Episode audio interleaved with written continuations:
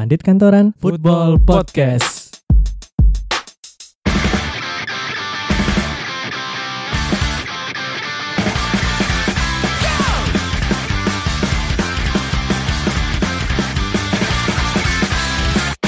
Yes, balik lagi di episode khusus Bianconeri X United bersama saya Audi. Hari ini Teguh tidak bisa hadir, tapi saya mengundang teman dekat saya yang pernah muncul juga di episode 20 membahas Bali United.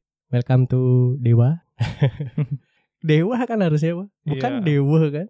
Kalau biasanya orang asli oh, maksudnya orang lokal Bali baru bilangnya Dewa, tapi kalau ucapannya kan Dewa harusnya kan? Iya, Kurang lebih gitu kan? kurang lebih. Apa kabar? Dewa? Dewa Ya, lagi. gini-gini aja lah. Ya. Eh, kerjaan aman kan dia? Aman aman. Syukurnya ya. Iya, ada aja sih.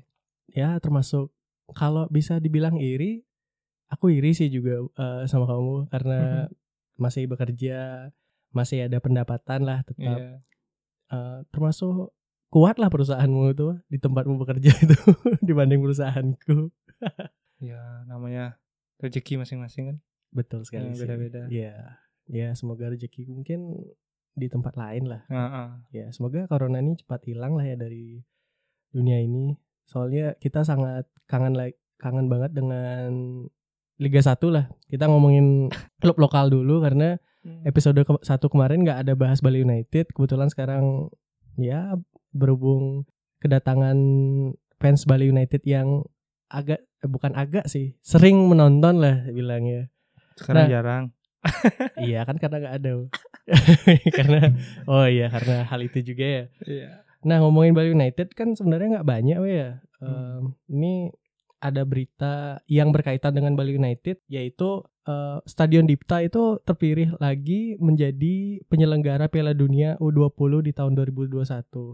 Nah itu kan yang kita tahu awalnya Bali United udah mundur lah kan eh, untuk menjadi tuan rumah Piala Dunia Mm-mm. tiba-tiba kemarin ada berita dari PSSI Stadion Dipta itu termasuk salah satu stadion yang akan menyelenggarakan Piala Dunia eh, 2002 U20 2021 itu menurutmu gimana Wu? kok agak aneh ya Ya, ngerti kan? Eh, Piala Dunia ini modelnya yang main kan timnas Indonesia. Mm-mm.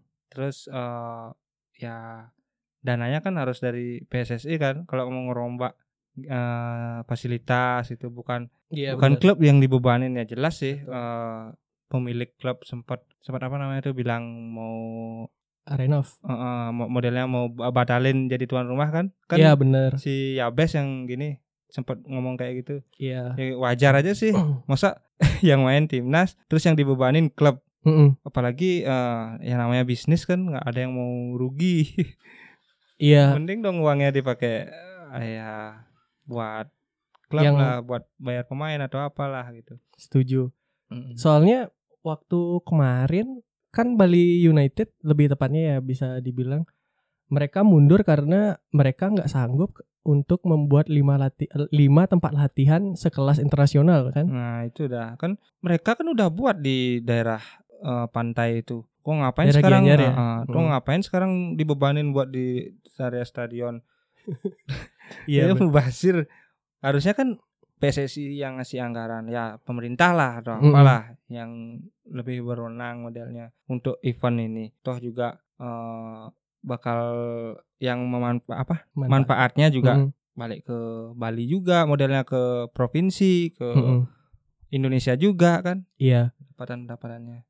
Ya mungkin klub nggak begitu gimana ya dari pemasukannya mungkin nggak begitu banyak kan ya dari Mm-mm. Piala Dunia itu. Yang merasakan kan nanti modelnya kayak eh itu dah Indonesia sendiri, Bali dari segi pariwisata kan ya. Datangnya iya. supporter-supporter mungkin dari timnas lain itu ya Mm-mm, bener. itu sih. Kalau dinilai dari situasi sekarang, kalau menurutku ya seharusnya sih kayaknya eh, eh, stadion yang dipilih untuk menyelenggarakan Piala Dunia U20 di tahun 2021 ini mungkin di Pulau Jawa aja sih kayaknya yang lebih bijak ya kalau situasi sekarang. Kalau misalkan hitung-hitungannya lah di pada saat di hari H Piala Dunia U20 itu udah bergulir ya kita kan nggak tahu kan COVID-19 ini sampai kapan kan. Hmm. Ya kalau misalkan memang masih harus tanpa penonton ya mending kayaknya di stadion yang memang udah ready aja ya. Iya. Menurutku gitu juga sih. Mm-mm. Kayak eh, idenya PSSI ya yang bakal musatin Liga 1 di Pulau Jawa itu ya. Iya, gitu kan benar, ada. benar. Tapi kan ada beberapa klub juga yang ngeluh ya kalau misalkan cuma di Jawa ya. Kalau Iya. ngomongin Liga 1 itu Iya, nggak? pastilah. Apalagi yang di ujung Sumatera. dan Hmm. ujung timur juga ya. Iya. Bener sih. Tapi yang paling ngotot sih ujung Sumatera. Pengen tak jadi tuan rumah. Oh iya. sensor iya. ya sensor nama klubnya. Ta- Tapi kayaknya pendengar tahu sih uh, klub apa, klub siapa itu. Jadi eh ya memang kalau kita ngomongin geografis Indonesia, we, ya, kita kan negara kepulauan ya yang ya kalau mau ke mana gitu memang harus menyeberangi laut kan. Enggak maksudnya tidak negara seperti Rusia lah. Misalkan mungkin semua bisa ke mana-mana itu dengan lewat jalur darat. Mm. Ben- ah. ya cocok sih mereka ngeluh. Kalau misalkan balik lagi ngomongin stadion yang dipilih yang dipilih PSSI untuk menyelenggarakan Piala Dunia U20 itu kan ada stadion tentunya GBK, Jakabaring, eh, Gelora Bung Tomo Surabaya, Stadion Manahan, eh, Stadion Si Jalak Harupat dan Stadion Iwayan Dipta. Nah, dari keenam stadion ini, wah, menurutku kan lima ini kayaknya udah memang siap lah ya. Mm-mm. Kalau dibanding Bali, mungkin kayaknya sekalian aja yang tadi kita bilang sekalian aja eh, stadion yang dari Jawa lah, stadion yang di Bekasi itu kan. Oh, Patriot Chandrabaga itu. eh, menurutku Oh, itu siap sih kayaknya. siap sih. Keren sih stadionnya. Bener dibanding maksa Bali jadi tuan rumah yang di suatu di situasi kayak gini bahkan misalkan kalau memang dibebankan ke ke Bali United aja untuk membuat lap- eh, lima latihan lapangan itu apalagi sekelas internasional susah no. Iya, di Bali sendiri yang mungkin kalian yang nggak tahu sebenarnya di sini sangat-sangat struggling sekali ya bisa dibilang karena pendapatan orang-orang di sini sebagian besar kan dari pariwisata. pariwisata. Apalagi sekarang disuruh buat proyek lima lat, eh, lima lapangan latihan, terus renov Bali eh, renov Stadion Dipta. Iya. Kayaknya itu terlalu membebankan sih, pendapatku sih begitu. Kalau Ki gimana? Memang dari awal sih membebankan sama sih kayak kamu. Apalagi musim kayak gini ya, Ya, Covid eh, perputaran uang. uang kan Iya. Nah susah. Susah. Apalagi di Bali ya pendapatan mayoritas orang di Bali ini kan dari Betul. pariwisata. Mm-mm. Sekarang tamu nggak ada, kita susah. Terus liga nggak jalan, klub pemasukan dari mana? Mm-mm. gitu. Ya mungkin ya, pendapatan lain kan dari sponsor kan ada kan ya. Ya, Ya, bahkan kemarin eh. kayaknya Bali United dapat sponsor baru lagi ya. Iya. Torabika itu ya. Heeh, entah berapa nilainya kan kurang tahu. Mm-mm. Apakah uang dari sponsor itu mau nanti dipakai buat kayak gitu? Apakah sponsornya setuju kan? Iya, Nanti itu kan hak gini manajemen. betul betul. Hmm. Jadi ya intinya kita berdua kurang kayaknya keputusan itu kurang bijak lah ya di situasi sekarang ya Terlalu memaksakan sih. dan kayaknya. terlalu memaksakan Ah. betul betul.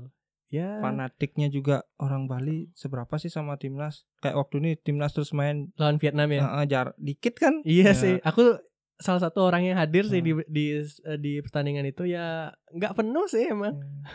Malah aku lebih condong di daerah Jawa Timur fanatiknya keras-keras lah.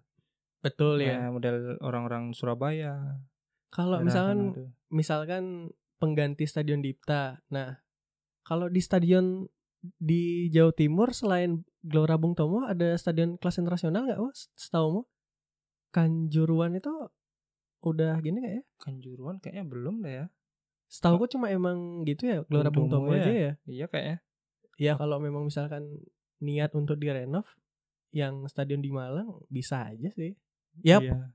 kayaknya pilihan yang realistis tuh yang itu stadion Patriot itu yang di Bekasi. Sidoarjo kan masuk juga. Stadion Sidoarjo. Sidoarjo. Sidoarjo masuk ya? ya. Kayaknya sih.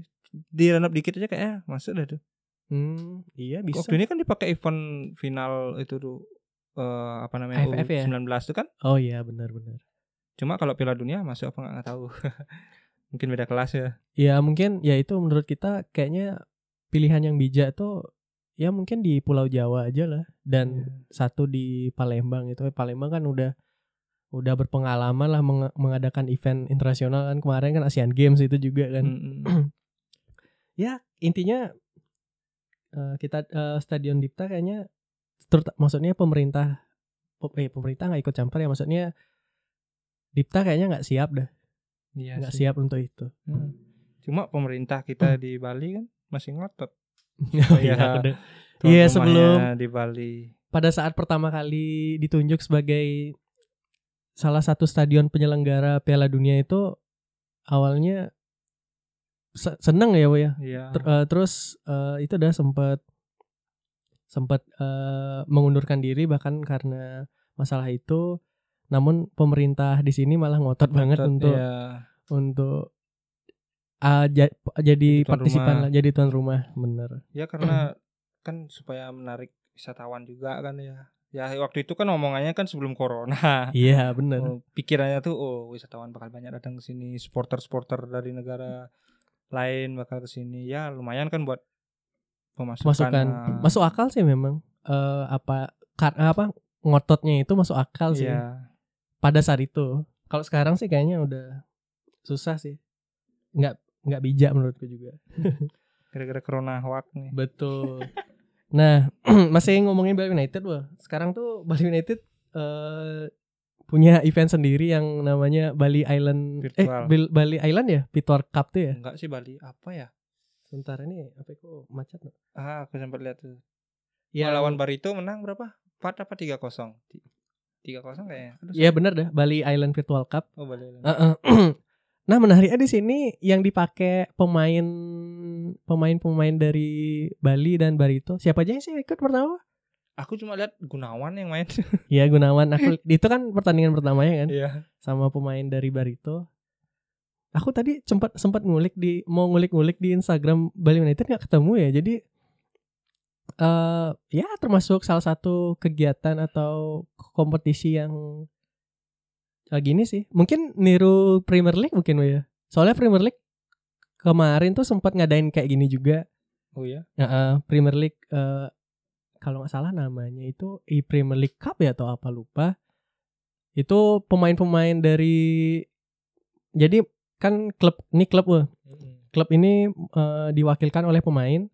Pemain ini yang Mainin. main mainin gitu. Misalnya kayak di Leicester kalau nggak salah itu yang main eh, si Madison. Hmm. Kalau di MU kalau nggak salah pemain mudanya atau apa tuh. Jadi nggak nggak terlalu jago juga. ya menurutku ini salah satu kompetisi yang gini lah mengisi waktu sebelum liga Iya. dimulai lagi. Biar ngilangin jenuh juga ya. Bener sih. Kerinduan. Nah cuman kerennya itu ke- kemarin kulihat di video itu mereka itu mainin patchnya liga lokal maksudnya si Gunawan pakai Hmm. Bali United Ya. si nggak aku nggak tahu pemain Nah, dari Barito, Barito tuh pakai klub dari Barito, Barito. ya. Itu kayak pasti PES ya. Kayaknya sih yang 2020 itu Hmm. yang terbaru kayaknya patch-nya. Patch-nya aja kayaknya itu. Setahuku FIFA emang ada FIFA 20 ada patch gitu. Kalau aku Kurang tahu. kurang aku juga Aku, kurang tahu. Giniin PS aja sih biasanya mainnya. Nah, itu udah FIFA kurang tahu. makanya wih keren juga aku kira aku kira pemain tuh pakai klub Eropa kan. Iya. Kemarin lihat eh, cuplikannya di Instagram ternyata pakai klub lokal gitu. Wah, keren juga nih gitu. Ya eh, suatu kompetisi e virtu- vir- e virtual yang Iya. harus diapresiasi sih. Daripada yang kayak kemarin tuh voting voting itu Indonesia juara terus tuh. Apa itu cuma nyari follower aja. bener sih bener. Aku nggak tak follow. Kalau ada yang ini ya voting aja ikut gitu. Kalau bisa dibilang sebenarnya ya, ya eh, followers kita maksudnya pengguna sosial media di Indonesia, Indonesia itu termasuk yang Paling banyak. sa- paling banyak masif juga sih. Iya. Setiap ada event-event voting yang mengatasnamakan negara, Negara. itu pasti didukung. pasti dukung dan Iya. orang tuh dengan niatnya share, eh bantu dong untuk vote Hmm. ini.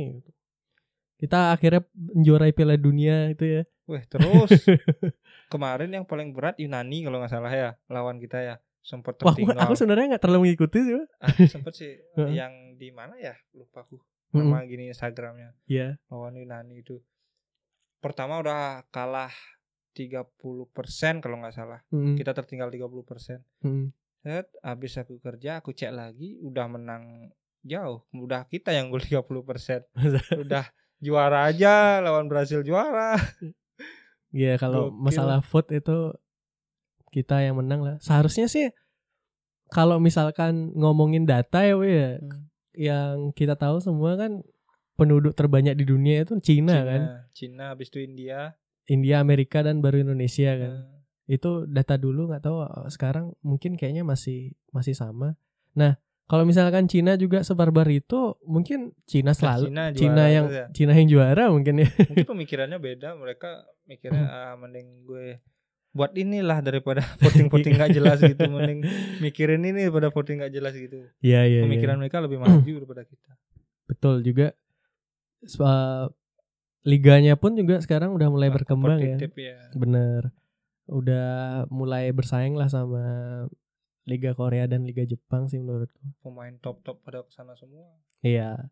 Nah, uh, ngomongin Liga Cina ini ada kaitannya dengan Manchester United Wak, karena MU kan punya striker pinjaman dari Cina itu Higalo gitu. Jadi kita bahas MU langsung lah. Iya. Eh, mungkin segitu aja bahas Bali karena nggak terlalu banyak juga yang ada. Nah, kema- eh, ngomongin pertandingan yang baru selesai Wak, lawan Norwich MU lawan Norwich. Itu sebelumnya kita nonton nggak? tiduran Tiduran.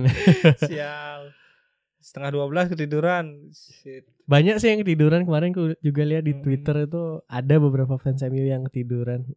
Khususnya di Indonesia ya. Karena kalau ngomongin jadwal memang fans Asia tuh yang menurutku paling gini no, paling ap- apa ya niatnya itu paling keras lah karena jam Eropa dan Asia tuh beda ya beda beberapa jam dan jauh banget bahkan.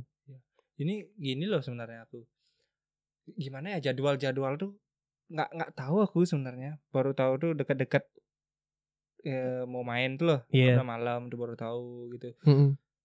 jadinya aku kan nggak sempat istirahat nggak sempat tidur siang gitu modelnya kan Oh kalau misalkan Oh. tahu dari awal, dari awal kan aku Udah prepare ya untuk- tidur oh. siang lah gitu iya biar bisa begadang sebenarnya jam jam berapa setengah satu main ya setengah satu. itu gampang kali sebenarnya kalau dulu ya sebelum corona corona Mm. aneh ini wih begadang tuh udah biasa Mm-mm. cuma karena itu dah nggak tahu jadwal juga kan. Iya iya iya. malam baru gini oh iya sekarang MU main. Ah pasang alarm aja siap-siap aja. Padahal udah pasang alarm. Mm-mm. jam 6 baru bangun sialan kampret. Jadinya nonton di band sport 2 dan tayangan ulang. Ya baru cek sosmed. Nggak tahu sih nggak sengaja kan buka Facebook. Mm-mm. malah langsung nongol skor 2-1 kampret. Ya udahlah nonton tayangan ulang lanjutin aja. Iya iya iya. Em, iya sih emang itu salah satu perjuangan fans Asia ya. Fans Asia layar kaca eh, ketiduran. Tidur. Sebenarnya banyak cara kan yang dilakukan tuh untuk fans Asia. Iya. Ada yang tidur dulu setel alarm misalkan kalau kick off-nya jam setengah satu Hmm. setel alarm jam ya jam 12 udah bangun lah Mm. paling paling deket terus ada yang memang langsung begadang aja Iya.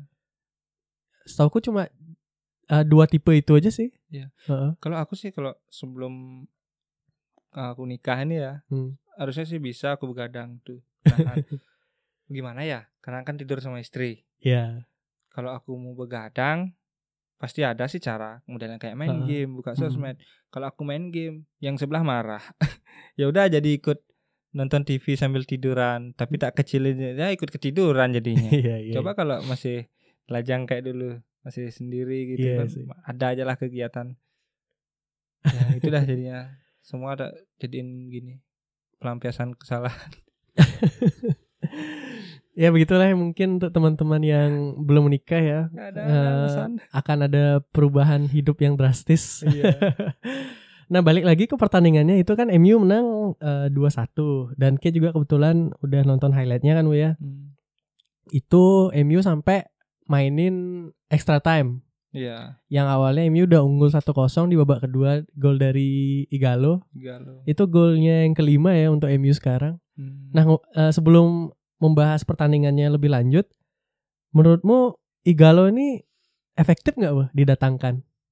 ya pakai pelapis sih lumayan menurutku. Banget lah bah- bahkan bisa dibilang ya. Iya, pakai pelapis ya. Mm-mm. Cuma kalau pakai Utama, utama sih kayaknya masih kurang. Mm-mm, Masih Josan Martial. Martial sama Rashford kan. Betul. Apalagi trio sama Greenwood. Greenwood. Iya. Terus Iga ya kalau menurutku itu menurutku pembelian yang sangat efektif sih dan bukan panik buying ya bisa dibilang. Banyak yang orang underestimate lah bilangnya waktu Igalo pertama kali didatangin dari aku lupa klubnya dari mana ya. Aku juga lupa. Intinya dari dari Cina banyak yang da- eh, bisa dibilang kayak ngewale MU lah. Iya, dibilang- Ngapain datangin eh, striker yang dari Cina gitu. Mm. Bahkan sebenarnya Galo kan sebelum main di Cina sebelumnya aku orang tahu ya intinya mereka eh, dia itu ex-nya Watford kan. Iya, iya, iya. Ex-nya Watford dan dulu itu ada rumor waktu MU masih dilatih Louis van Gaal, Louis van Gaal tuh tertarik untuk beli dia. Jika lo. Betul. Cuman oh kayaknya memang langsung ke Cina deh. Lupa aku, mungkin kalian bisa cek sendiri. Hmm. Langsung ke Cina terus baru baru didatangin lagi ke MU. Hmm. Balik lagi dengan penilaianku menurutku Igalo tuh ya untuk striker pinjaman dan untuk pelapis ini udah keren banget sih. 5 gol dan kita tadi kita sebelum take itu Ki bilang mainnya kayak- mirip kayak Lu- Lukaku, ya. mukanya juga. Anjir. Eh, jangan rasis ya. Iya, dia kalau menurutku kalau menurutku eh, Igalo Igalo tuh dia tuh kuat dalam duel di Duel. area kotak penalti sih Hmm. dan positioningnya juga bagus. Hmm. Ya emang cocok sih jadi pelapis pelapisnya Martial. Iya. Eh kemarin eh kemarin ya, kemarin jadinya apa tadi malam? Pas bisa main tadi bisa malam. tadi malam bisa Oh. kemarin juga sih dibilang. Ngerasa gak sih kayak sentuhan MU tuh mungkin pelapis ya? Iya. Kayak kacau gitu. Aku sempat nonton tadi itu udah jam 6 itu. Mm-mm. Pas babak pertama tuh. Ini yang ngopernya kekencengan apa yang nerima bolanya agak kurang ya? Sering kok miss gitu kulihat. Iya. eh modelnya apa karena pressingnya pemain Norwich selalu kencang di babak pertama tuh Mm-mm. sempat nggak nonton dulu Sempat karena aku kebetulan yang nonton full sih. pressingnya tuh lumayan sih eh, Norwich di babak pertama terus gimana ya kesalahannya banyak kali babak pertama tuh kayak main-main umpan pendek tuh Mm-mm. aku kayak ngeliat terlalu kekencengan ngoper apa ini efek karena jarang baru bergulir apa Baru gimana bergulir. ya Ah.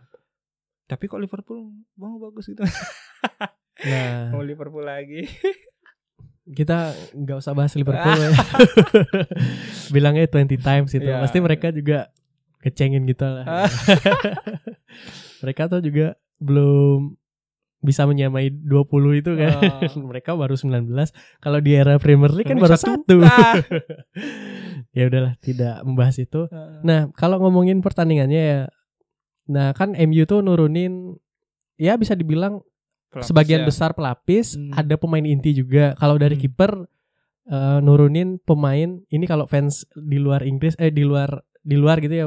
Hmm. ngomongnya Romero itu the best backup goalkeeper in the world. Hmm. Jadi p- eh, kiper pelapis terbaik dunia iya. karena prestasi clean sheet-nya. Heeh. Terus di B itu MU pakai Dalot pertama. Ya Dalot itu tuh Dalot tuh sering lihat ceroboh gitu kayaknya di kanan tuh. Kayaknya Dalot tuh lebih lebih cocok dia tuh jadi forward gitu maksudnya di pem- di pemain Nyerang. depan aja. Mm-mm. Ingat gak waktu pertandingannya lawan PSG? PSG ya. Dia tuh main di depan kan. Ah, ah. Dia karena lambat ke belakang. skillnya bagus wah, akselerasi maksudnya kayak dia tuh Hmm. kemampuan gocekannya menurutku bagus nah, untuk untuk untuk back kayaknya itu nggak perlu ya.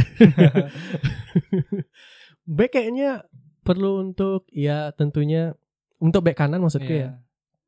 Bagusnya ya di defense atau enggak ngumpan lah Mm-mm. ke kotak penalti. Nah kalau ngomongin Dalot, ya kemarin tuh nggak bagus. Terus eh, Eric Bayi kadang kadang sempat kehilangan bola juga dan hampir membahayakan gawang United lah aku dapat lihat. Cuman Hmm. overall sih ya bagus lah itu Eric Bayi. Sisanya kan Maguire sama Luxio kan pemain utama kan. Terus kalau ngomongin tengah, nah ini tengahnya yang krusial sih. Kan duet McTominay sama Fred. Fred. Kemarin itu ya nggak kelihatan tuh McTominay sih.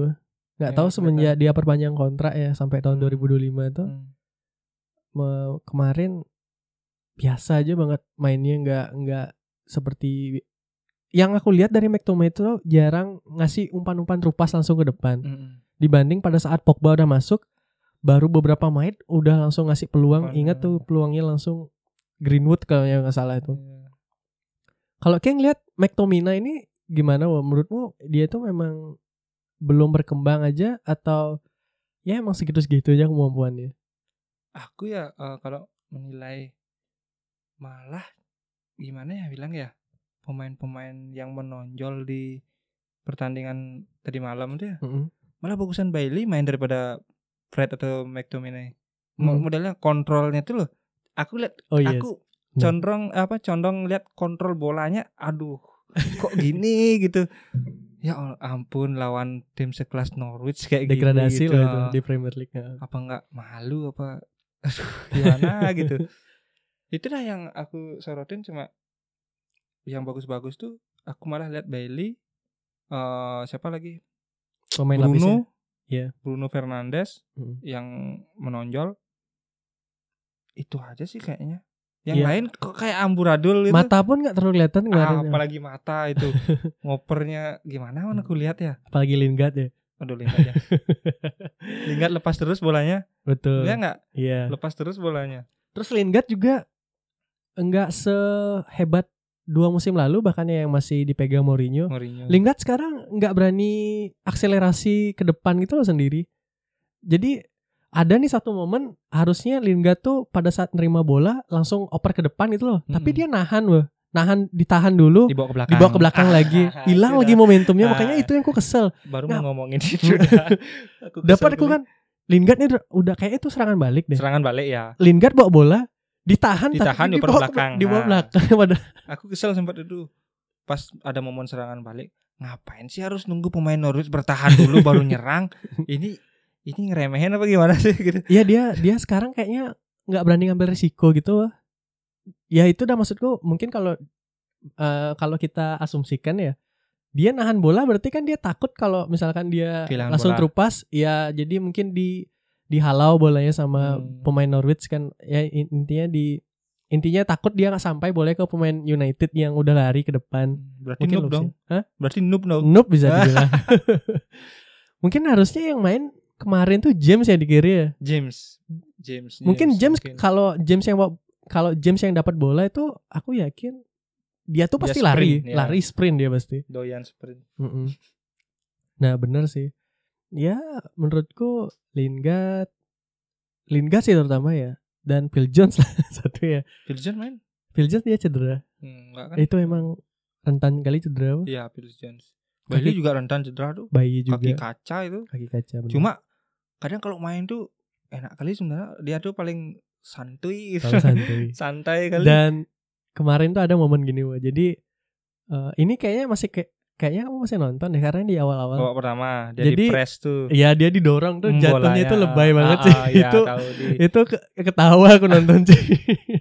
benernya ada kehilangan bola dia itu Bener. karena pressingnya juga Norwich babak pertama tuh ya lumayan kencang Iya tuh. bisa dibilang barbar juga sih Hmm, pressingnya. kayak, kayak si Puki tuh kan main Puki tadi kan Main Puki ya. Wih, Todd Canwell tuh juga keren mainnya yang ngegolin itu. kencang-kencang mainnya nih waduh gitu Mungkin Karena- gini wah, sorry kepotong. Hmm. Mungkin motivasinya karena kalau di liga kan udah nggak ada harapan udah nggak ada harapan ya. lagi lima match ya Liga lim- lagi lima atau enam? Lima. Lima ya. Ah, lima. Udah nggak ada harapan. Terus eh dia ingat wah, Norwich tuh datang ke Premier League eh, juara championship loh itu. oh ya Seingatku ya, Hmm. dia tuh dat- datang ke Premier League sebagai juara championship loh. Sekarang dia malah paling dasar. Sama siapa ya Norwich datang? Sama Sheffield kan? Sheffield sama Wolves ya? Eh, sama Aston sorry, sama Aston Villa. Sheffield sama Aston. Sekarang Aston juga gitu di degradasi. Yang paling bagus sekarang Sheffield, Iya, lumayan. Waktu ini kan sempat lima besar ya? Sempat ya? sempat lah. Oh. Sekarang kan di peringkat 7 tuh. 7 kalau salah karena eh 7 so, ya bener. Ya 6 Bisa. tuh Wolves tuh. Sekarang Wolves udah naik ke Wolves peringkat kelima, 5 bahkan ya. karena Bukannya- kemarin menang. bukannya MU enam Arsenal sekarang. Di bawah. Eh, bukannya Tottenham di bawah kita? Aduh lupa Tottenham sih. di bawah kita ya. Intinya dia 10 besar lah ya. Heeh, 10 besar. Tottenham baru Arsenal gitu kalau nggak salah. Mm-mm. Terus eh itu juga menurutku ada faktor kiper dari MU juga sih, Dean Henderson tuh. Oh, Dean Henderson. Heeh. Nah nanti kita bahas buat tentang Dean Henderson dan De Gea. Kita masih bahas pertandingan kemarin. Terus tadi kan kita udah ngomongin lini tengah tuh Bruno. Bruno juga sebenarnya kemarin menurutku ya. Mungkin karena faktor stamina juga ya dia Heeh. dia belakangan hampir terus starter dan main ham- kalau 90 lawan menit. lawan Spurs kan 10 90 menit tuh. Hmm. Kemarin lawan Sheffield eh, di menit berapa udah diganti dia kan. Karena kita udah unggul juga. Terus lawan Norwich kemarin dia ma- hampir main sampai 120 menit kan bisa Oh. dibilang kan. Extra time. Betul. Ya ya itu sih eh, mempengaruhi juga kayaknya stamina-nya dia jadi permainannya kurang kurang menonjol Hmm.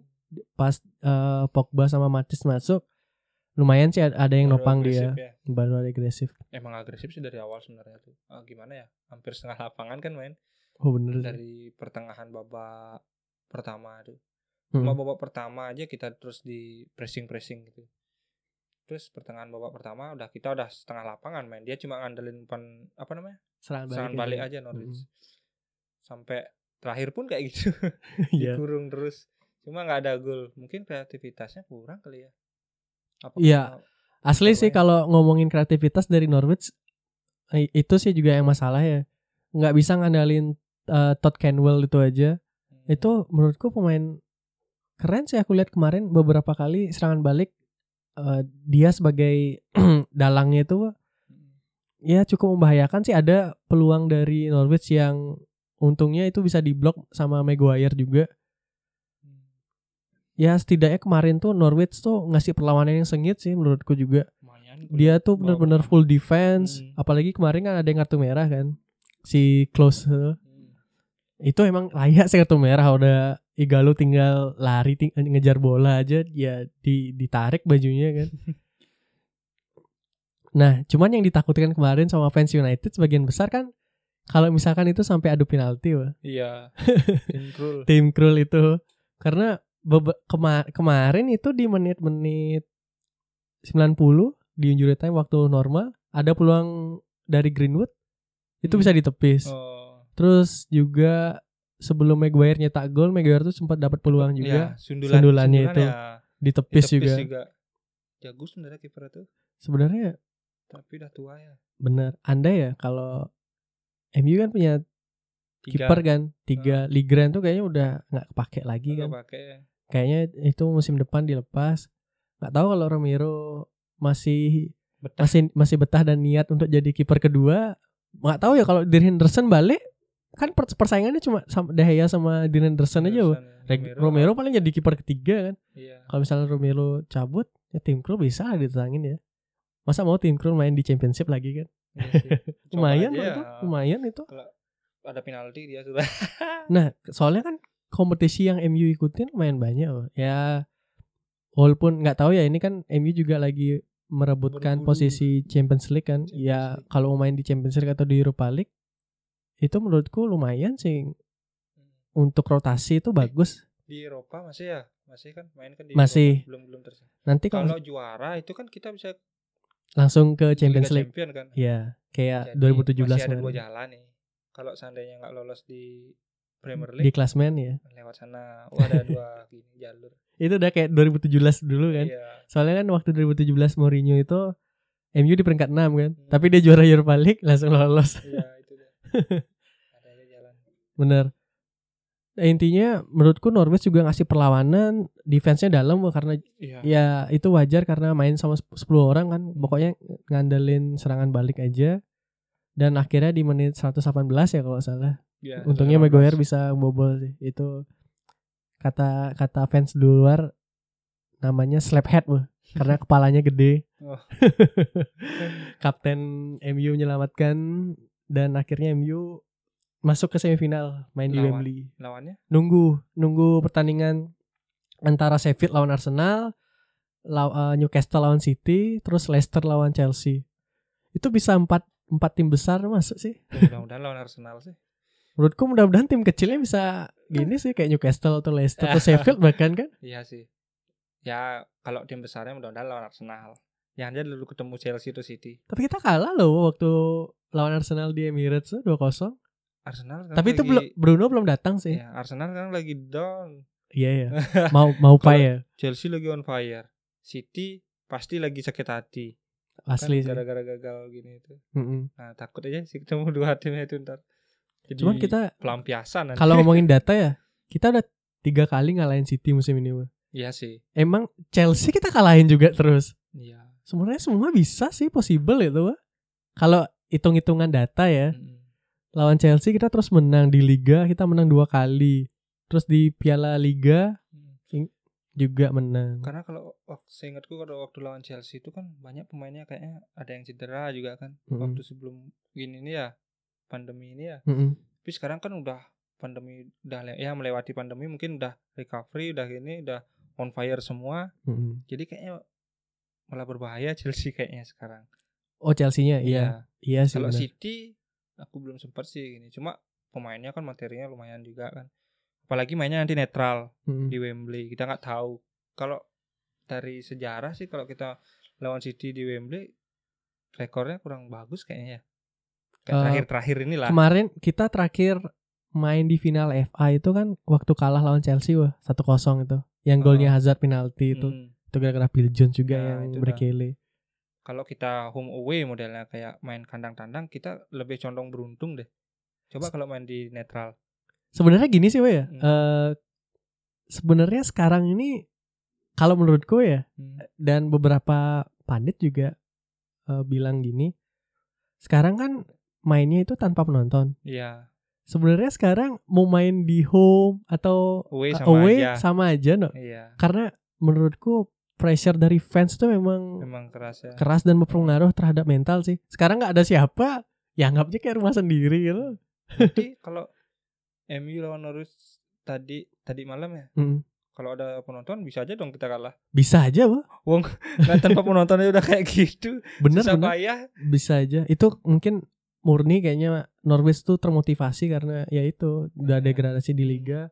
Ya setidaknya mungkin bawa hal manis lah mungkin bisa menang bahkan FA Cup. Tapi kalau juara FA Cup tetap degradasi ya? Tetap. Oh, Nggak ada nggak ada nggak ada penyelamat istilah gitu ya? nggak ada istilah menang FA langsung Langsung. boleh main di Premier League nggak. Oh, Jadi 2-1. Eh, Satu tim. Setauku yang menang FA tuh dapat jatah di eh nggak tahu ya sekarang ya. Dapat di Eropa dulu ya. Dulu. Nah, ah, sekarang, sekarang kayaknya cuma tahu. di klasmen aja. Iya. Mm. Ya intinya MU tuh perlu beli pemain, Wah. Beli pemain. Eh, beli pemain yang jarak antara tim lapis dan tim utama itu nggak jauh. Hmm. Ya kalau bisa kayak City lah punya dua tim Iya. gitu. Weh. City menurutku sekarang Wah ya yang berpengaruh tuh karena Leroy Sané sih. Asli tuh Leroy Sané itu sebenarnya kalau kita waktu ngelihat City juara ya, Hmm. Sané itu kan gila tuh barbar. Pemain berpengaruh ya. Berpengaruh banget Sané dan Sterling itu. Sterling. Aku, Heeh. kalau aku, aku cenderung ke Sterling. Hmm. Sterling sama Aguero itu aja kayaknya sih menurutku. Sekarang Aguero cedera lagi itu Iya. kan. Bisa jadi itu yang bikin City kalah ya. Kemarin ya. Iya. Kemarin main dia Aguero. Enggak udah cedera. Udah cedera ya? Aguero itu cedera pas lawan Burnley kalau nggak salah ya. Berarti siapa striker yang kemarin Ya gini Gabriel Jesus. Yesus. Heeh. Terus plus juga kartu merah kan. Aku nggak nonton ya highlightnya aku, karena ju- aku juga males. nonton. Ya gara-gara itu ada yang juara. ada yang juara ya. Bangke, bangke. Chelsea itu emang dari dulu eh, gini ya nyelamatin tim yang juara waktu Leicester gitu juga kan. Kadang nyelamatin, kadang gitu ngerecokin Ngerecokin ya, juga yang waktu- lagi ngejar itu. Waktu Liverpool Liverpool mau juara ada kan? Iya, Eh, yang- waktu ngejar klasmen Liverpool ya. terpleset Ah, kan. terpleset tuh siapa? Gerrard. Gerrard lah. Ah, itu udah Chelsea itu tukang recokin. Emang sih bener-bener. Terus, nah ini kan udah udah habis bahas pertandingan Norwich. Nah ini juga ada catatan untuk MU kan ya memang harus belanja lah di bursa transfer ini kan. Hmm. Kalau menurutmu posisi mana yang memang harus ditambal loh untuk MU? Pemain pemain mana yang harus dibeli? Eh kan kita Hmm. tahu Jadon Sancho kan yang terus Hmm. ber- Striker. rumornya. Be- gini sih lebih winger kanan dia kan, Siapa Sancho? Sancho di Dortmund. Berarti second striker dia harusnya ya? Bukan. Bukan kalau di Dortmund emang dia di wing dia terus. Winger dia. Heeh, cuman Oh. itu dah dominannya dia di kanan sering main. Menurutku emang kanan loh. Ya emang sekarang kan di si Greenwood kan. Hmm, Cuman kalau ngandalin Greenwood terus nggak bisa no. nggak bisa. Terus James juga kalau di kanan nggak nggak bagus. Dia cocoknya emang di kiri. Hmm. Ini hasil risetku ya. James itu nyetak gol ya. Kalau untuk nyetak gol itu paling banyak pada saat dia main di kiri, Wah. Waktu ya waktu gol per, gol pertamanya lawan Hmm. Chelsea kan emang di kanan kan golnya. Eh, posisinya di kanan. Terus waktu gol ke- keduanya lawan Crystal Palace Hmm. itu dari kiri. Terus lawan golnya lawan Soton tuh yang tendangannya kayak roket tuh, itu Hmm. kan di kiri juga dia kan. Hmm. Terakhir lawan klub klub Poland tuh ya yang Laks tuh ya, L A S K tuh Laks dia Laks yang It- kita menang berapa itu? 5-0. Kosong tuh ya? Yang oh ya, yang on Itu fire kan- terakhir ya. Uh, itu kan Dan James juga ngegolin tuh ah. dari kiri bahkan dia cutting inside gitu Tanpa penonton ya itu ya. tanpa menonton. Dari situ udah mulai tanpa Ah. penonton terus baru stop kan. Nah itu menurutku Dan James cocoknya main di kiri Wah. Menurut kayak gimana Wah? Kalau Daniel James Iya. kurang tahu sih kalau aku nggak terlalu begitu giniin Daniel James Oh oke. modelnya ya nggak berharap banyak sih sama dia sebenarnya aku Hmm. cuma emang sih bakatnya masih muda kan ya Hmm. bakatnya masih bisa diasah sprint itu ya. Nah, cuma aku lebih seneng Rashford Greenwood itu yang main Greenwood asli sih. Dia Heeh. tuh kuat kaki kiri kaki kanan. itu dah aku seneng kali lihat kalau Martial kurang sih agak lambat ya cuma gocek-gocekannya emang Kocaannya mantap, mantap, kali aku seneng kali lihat Sama ketenangannya tuh ya sih, tenang banget Waktu dia. gol ketiganya lawan Sheffield atau Hmm. hat tricknya itu kan Mm-mm. tenang banget dia ngechip bola itu tanpa pressure sama sekali. Itu sih emang kelebihan dari Martial ketenangannya itu. kalau James kelebihannya kan dia tuh cuma bikin kacau aja sebenarnya. Bikin kacau pertahanan ngobrak ngabrik gitu aja. Jadi pemain apa pemain belakang lawan kan jadi lupa sama strikernya. Udah ngover dia ya pokoknya berhentiin dia. Mm-mm. jadinya pasti pasti ada ruang kan buat Rashford atau Greenwood atau main nanti atau Martial. Mm-mm. sebenarnya fungsinya sih itu aja James. Kalau dibilang tendangan nggak begitu kenceng. Lari aku lihat sih kayak ya best tahu kan ya best ya udah ya Bali United. Menurutku sih kayak gitu dia no. Dia tuh pengacau gitu Kita tahu nggak golnya dia waktu masih di Swansea dia soloran lawan. ya lari kecepatannya Mm-mm. kayak kalau dilihat dari Borneo itu siapa namanya tuh dan Spuriri kenceng gitu ya Heeh. Keren sih. Iya Ya sih. man, ya emang perlu dia tuh perlu ngasah ketenangannya lagi sih, Ketenangan, ya. ketenangannya dia. Dan ya kalau mau belajar lebih, gocek-gocekannya juga Mm-mm. skillnya, skill individunya dia. masih ada kesempatan Masih muda, kan. dia, heeh, bener. Nah, menurutku itu sih kalau balik lagi Sancho itu terus ngomongin lapis ya. Nah, tadi kan kita udah ngomongin Fred sama McTominay ini, Bang. Mm-mm. Kira-kira MU perlu nggak beli gelandang tengah lagi? Kemarin kan digosipin Van de Beek tuh. Van der- Yang di Ah, Ajax tuh. iya. Kalau aku sih kayaknya enggak deh kayaknya. Coba aja Mm-mm. sih dulu lihat sampai akhir musim ini ya. Hmm. eh, si Fred itu. Soalnya sebelum pandemi ini kan lumayan dia Fred kelihatan sih dikit mainnya Fred tuh. Bener. Waktu Pogba cedera kan. Iya, kan Di- dia terpaksa yang dia yang dia harus yang bermain. kan. Hmm. kulihat lumayan sih gitu. Pas ada pandemi ini lagi kulihat nggak begitu bagus lagi. Apa mungkin karena kurang latihan apa gimana ya kan tahu. Iya momentum itu. Coba aja sih kasih kesempatan tuh sampai akhir musim kita lihat gimana Fred tuh. Kayaknya sih kalau aku sampai itu sih pertahanin aja dulu sampai akhir musim lihat dulu gitu. Oh iya Fred sih pantas buat dipertahankan karena Hmm. kemarin pun menurutku nggak nggak jelek-jelek amat jelek-jelek Fred main. amat kan, nah, Kemarin udah. tuh yang aku lihat jelek tuh ya itu McTominay Hmm. nggak nggak nggak bagus dia cuma pindahin bola dari sisi kanan ke kiri gitu misalkan dari kiri ke kanan gitu Hmm. doang sih kulihat nggak ada dia eh, ada umpan-umpan terupas gitu. Fred layak sih dia pertahankan. Iya. Dan misalkan kalau Van de Beek masuk eh, menurutmu itu nggak gini nggak wah? Kelebihan di lini tengah wah? Atau gimana? Bakal kelebihan pasti Van de Beek ada- pasti nggak mau jadi pelapis ah, kan? pasti bakal ada yang cemburu modelnya. Iya. Ada yang sirik ada gini. Jadinya ribut internal tim jadi nggak bagus kan? Iya sih kalau apalagi sindir-sindiran di sosmed. Ini ini ini alah bakal kacau jadinya. Kalau menurutku sih coba aja dulu asah itu yang yang ada kan ya Hmm.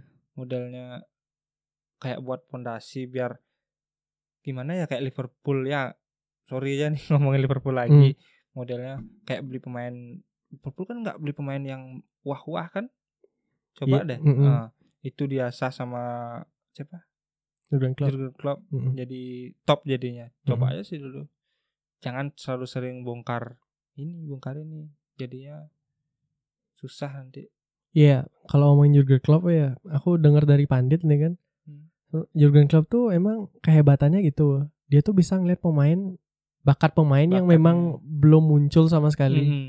Kayak Marco Reus tuh nggak ada yang tahu loh dia Iya. bagus ternyata mainnya. Dan yang lain juga kan kayak Kagawa tuh juga bagus. Lewandowski Mhm. itu bener kan.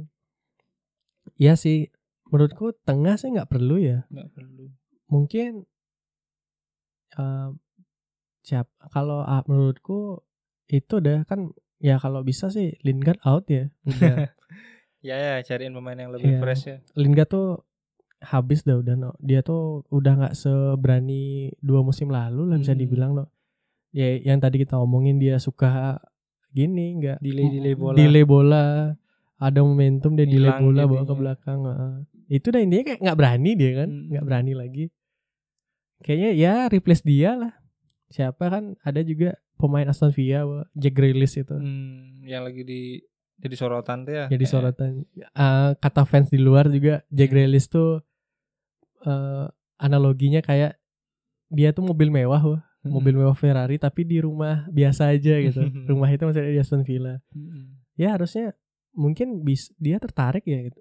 Pasti dia mau sih kalau pindah ke MU cuman harga yang dipatok sama Aston Villa tuh pasti berapa ya gila gajinya- sih pasti karena pemain Inggris dia soalnya. gaji yang dia minta berapa nanti Mm-mm. Apakah tahu kan manajemen MU kayak gimana pelitnya minta ampun Ya, aduh cuman Jack Grealish sih ya pantas sih untuk jadi backup ya. Gantiin Lingard lah mungkin. Kalau Pereira gimana menurutmu? Pereira nggak begitu begitu bagus sih Kayak begitu juga ya. oh be aja kuliah Dia awal-awal muncul di Luis van Gaal, aku nilai dia tuh oh kayak ini menjanjikan pemain sih kan dia Hmm. nyetak gol tenangan bebas tuh lawan klub klub mana itu waktu di Hmm. Piala Liga. Mm-mm. Terus sempat dipinjem-pinjemin lagi ke Valencia, ke Granada bahkan kan dia sering main di Liga Spanyol. Hmm. Terus balik lagi ke MU. Ya dia dia masih muda sih wah dibanding Lingard wah. Iya Masih bisa sih dikasih kesempatan sih kalau menurutku Pereira. coba aja lu asah Hmm, sih gitu kayak eranya Ferguson kan asah aja dulu coba ya Iya. model pemain-pemain muda tuh hebatnya Ferguson kan gitu. Mm-mm. Dia tuh bisa membuat pemain yang biasa aja di luar Jadi biasa. luar biasa Ka- Dulu tahu Cleverly sama Anderson dulu lini Iya. tengah kita wah. Welbeck lagi di depan kan. Bisa Aduh. juara sama tim kayak gitu. Keren sih emang Hmm. Ferguson. Itu yang susah Ro, jadi pelatih kayak gitu. sama siapa namanya kembar Fabio Fabio dan Rafael. Keduanya juga udah cabut dari Iya. MU kan. Mm, bener. Nah, itu aja sih. Wan Mata juga kayaknya udah habis. udah ya. habis kayaknya sih Padahal ya kalau menurutku ya Wan Mata kan juga orang yang pernah menang Premier League kan pernah ya dia lawan sama Chelsea kan? Hmm, kayaknya ya ya Eh, waktu dia pernah kok mat ya ya dia 2012 kalau di squad we orang eh, pemain yang pernah menjuarai Premier League itu kan salah satunya Dahya. Mm-mm. Dahya masih Matic kan waktu sama Chelsea dan Juan Mata. Sisanya nggak ada kan? Nggak ada lagi. Eh, Carrick udah jadi staf kepelatihan ya Iya. Pogba pun waktu itu dia nggak tahu ya. Dia, dia kan nggak pemain utama waktu itu kan Iya. masih masih masih muda lah. Hmm. Jadi masih hitungannya pemain muda di MU dan Maguire kan pernah nggak pernah dia. Dia tuh pas Leicester juara dia masih main di Hull City wah. waktu itu masih di Hull ya Bisa di Hull dia. kira udah di Back Leicester. back Leicester tuh kan masih Morgan itu. Wes Morgan Wes sama Morgan. Hood itu. Hood. Iya. Jadi bu ya sebenarnya juga MU butuh pemain yang berpengalaman untuk menjuarai liga. Hmm. Walaupun Mata nggak sering main, menurutku sosok Mata itu di untuk tim ya, untuk moral tuh kayak bisa lah. Ya kalau matanya mau bertahan kayak gitu ya. ya begitu sih kalau ngomongin rumor transfer ya. Ada lagi yang di rumorin lah, setahu Siapa ya? banyak. Sebenarnya kadang banyak pemain yang nggak jelas di rumorin kayak MU sih. Iya sih. Tapi ada sih yang berkurang tuh pemain pemain mana tuh? Juventus tuh. Akhirnya ke Barca ya. Si Pjanic tuh.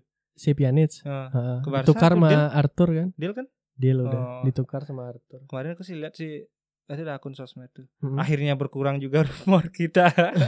Pjanic langsung pindah ke Barca. Iya. Itu kan sempat dirumorin ya. Pjanic tuh ke MU. Wah tuh kayaknya pasti ada aja media yang Ya, kayaknya. ng- eh, menghubung-hubungkan kayak Ah, gitu ya. Ya biasa. Tapi- Klub besar eh, memang. tapi yang siapa tuh waktu itu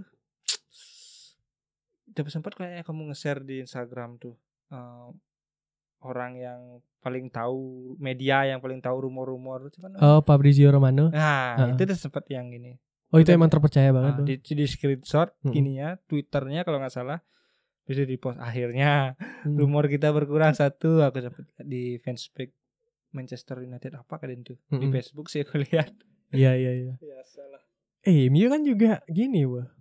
Nggak minjemin pemain-pemainnya kan.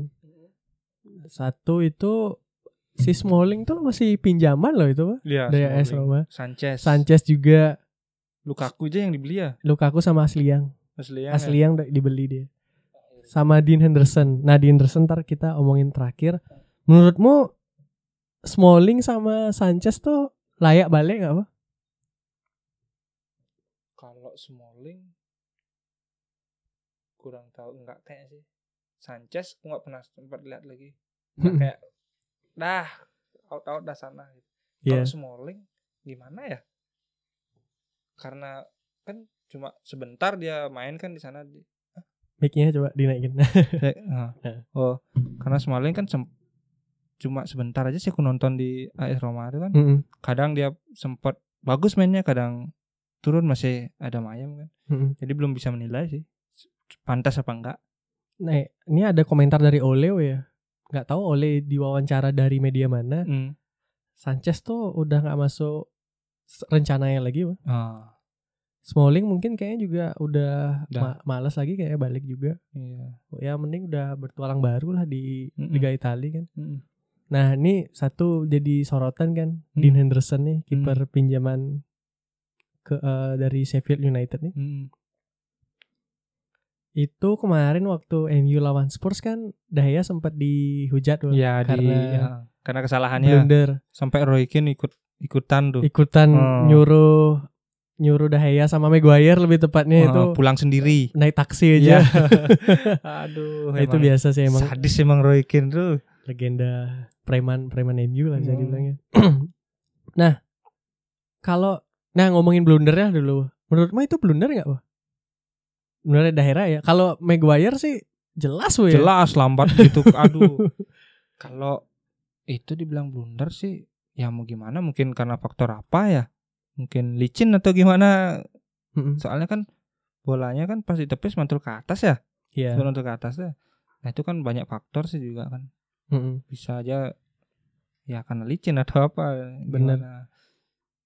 Kalau kalau dibilang blunder itu itu nggak begitu fatal sih menurutku. Kalau dari sisi De Gea karena dia kan Dan- hanya berhadapan kayak Hmm. gitu kecuali kayak eh udah jauh misalnya tendangan jauh gitu nggak bisa ditangkap modelnya Mm-mm. misalnya kayak gol apa Karius ya kayak gitu tuh ah. itu baru masuk golongan blunder menurutku sih kalau kemarin tuh nggak nggak begitu parah sih blundernya De Gea menurutku ya Mm-mm. cuma backnya itu dah siapa Maguire Maguire. aduh lambat sekali kayak kayak apa kayak babi ngejar apa Iya sih benar-benar. nah kalau dari pendapatku sendiri, bener sih, Wo. aku juga setuju sama kamu, no. itu sebenarnya bolanya tuh keras banget, no, itu tendangannya. Terus gimana ya? Kalau aku ingat-ingat lagi ta- tayangan ulangnya, tangan Dahaya tuh juga mungkin posisi tangannya ya mungkin kali ya aku bukan penjaga gawang sih juga ya. Nah, itu dah. Banyak faktor emang sih. Bisa licin juga. Intinya dah ya udah berniat untuk menghalau Ah, itu. heeh. itu dah. bukan bukan blunder yang dibuat kayak Karius lah bisa Ah. dibilang. heeh. Bukan blunder bodoh lah. itu. Bukan blunder bodoh yang itu kayak lawan usaha. gol Everton itu ya. Ya, itu sih bener-bener blunder bodoh itu. itu kan udah ada usaha cuma Iya. mau gimana bolanya mantul ke atas jadi gol. Ya mau gimana? Iya. Ya, tapi kalau ngomongin performa Dahlia musim ini ya, memang memang udah nggak sebagus dua musim lalu, atau Lalu. tiga musim lalu sih. Karena ya nggak tahu ya, mungkin setiap pemain kan pasti ada masa penurunan kan. Dan karena itu juga makanya digoreng-gorengin sama fans kan. Hmm. Oh, oh musim depan nih kiper utamanya udahlah Dean Henderson aja. Layaknya gini loh kata fans tuh kayak situasinya kayak waktu Peter Cech sama Courtois di Chelsea. Courtois, oh. Jadi kan Peter Cech dulu, Peter Cech dulu kiper utama. Iya. It- eh, cuman itu di bawah Mourinho bahkan kan Mm-mm. dia dia udah sering nge-save nge-save juga untuk Chelsea kan Iya, itu jadi iya. pahlawan Chelsea lah bilangnya. Cuman si Courtois kebetulan juga lagi bersinar di Atletico kan, Hmm. bagus mainnya. Ya kurang lebih situasinya gitulah. Jadi Peter Cech Hmm. yang hengkang Arsenal bahkan kan. Iya. Terus Courtois jadi kiper utama, tapi kiper si Courtois malah sekarang pindah ke Madrid. Hmm. Situasinya kata fans MU yang di luar sih gitu, situasinya mirip-mirip. Gak tahu ya. Dahya mau nggak jadi kiper kedua atau apa? Cuman kalau ngomongin kiper utama berat sih memang sih. Dean Henderson juga lagi bagus. Dia tuh peringkat kedua clean sheet terbanyak kayak kalau salah di Premier League. Hmm. Di atasnya Nick Pope ada kipernya Bentley itu. Hmm. Iya. Tapi ya sih emang De Gea performanya lagi turun. Lihat aja sih waktu Piala Dunia Aduh. yang iya. terakhir kan gimana mainnya. Itu waktu sana lawan Portugal lihat sih paling Portugal. paling parah sih. Astaga. Gol kedua itu Banyak- blunder. Itu baru blunder namanya Ya, menurutku. blunder Ah, sih. Tendangan bebasnya Ronaldo sama sekali dia Diam diem aja gitu. kayak gitu dah. Mm-mm. Ya. Ya jadi Dinderson apa Dahya? Bro? Bingung ya Bingung sih. pilihannya. Sebenarnya bingungnya karena Dahya tuh dulu berjasa no. buat Iya. Jadi kayak kasar itu kayak mencampakkan Hmm. Dahya gitu. Cuman memang beginilah kompetisi loh. Mm. apalagi kompetisi di tim aja kayak gitu dan Henderson masih muda terus prestasinya juga kan tergantung putusan oleh sih juga lebih tepatnya Bisa gak sih dua-duanya? Giliran-giliran main gitu. bisa aja sih kalau Ah. kalau Romero mau jadi pelapis Ketiga. ketiga. ketiga ya belum lagi kiper mudanya MU kan Joel itu Joel siapa ya namanya itu ya Joel Pereira ya kalau salah namanya ada tuh yang kipernya sering dipinjemin ke eh, ke klub Portugal tuh Mm. belum lagi itu mungkin kayak Romero bisa aja sih cabut ya musim depan di Grand tuh sih udah pasti sih nggak pernah dipakai lagi Yang botak deh ya. yang botak tuh bener ya kurang lebih sih gitu ya next pertandingan tuh MU lawan Brighton di kandangnya Brighton Tanggal berapa tuh? tuh tanggal lupa sih Hari? lupa bisa dicek di Google sih kayaknya aku juga lupa cuman aku ingat lawan Brighton nanti ya menurutku kalau misalkan MU masih nurunin eh, startingnya yang sama Tadi. waktu lawan Sheffield Mm-mm. yang lawan Sheffield sih terutama ya bisa sih kayaknya menang sih Full tim ya. full tim gitu ya Greenwood di kanan Hmm. Mar- eh, Rashford di kiri Martial tengah itu emang tim impian sih pandit Hmm. pandit pandit pun bilang memang pertandingan awal Sheffield itu pertandingan terbaiknya MU no. Hmm. atau Sheffieldnya juga kayaknya nggak niat main kayak itu mah. bener-bener dikurung gitu kan Iya. ya kurang lebih begitulah ada yang mau disampaikan lagi pak untuk MU terutama Gak ada sih, gitu aja. harapannya itu sih ya kalau sebagai fans ya juara FA Cup sama Ya, Europa League lah ya Yang terbaik Terus- lah, ya pastinya terbaik. Kalau bisa harus lolos Liga Champion supaya gampang nyari pemain nanti. Oh, Kalau iya. misalnya dibutuhkan kan, kalau main di Liga Eropa pasti pemain banyak ogah-ogahan kan. iya sih. Pasti. Mm-mm. Belum lagi Pogba, ntar lagi manja-manjaan kayak itu. tapi kayaknya sekarang Pogba lebih kalem ya Lebih kalamnya lebih dewasa ya. Oleh kayaknya memang benar-benar bisa dia ngatur. Emang Hmm. kayaknya emang masalahnya waktu itu Pogba sama Jose Mourinho sih. Mourinho ya, Heeh. ribut mulu. Bener sih Clay. Parah sih. Ya aku ngelihatnya ya semenjak Bruno Fernandes nih MU tuh belum pernah belum pernah kalah loh. Beda, beda kok aku lihat. Dan statistiknya emang belum pernah kalah loh semenjak Hmm. Bruno Fernandes Hmm. datang dan main. Keren sih emang Bruno Fernandes tuh emang dampaknya Besar ya. besar. Ya semoga pemainnya pemain ini nggak cedera aja sih. Ya, vital banget ya. Bener sih. Ya mungkin segitu ya dari episode Bianconeri X United kali ini. Hari ini memang nggak bahas Juventus karena fans Juventusnya nggak ada. Thank you yang udah mendengarkan sampai habis. Saya Audi dan Dewa pamit undur diri. Thank you.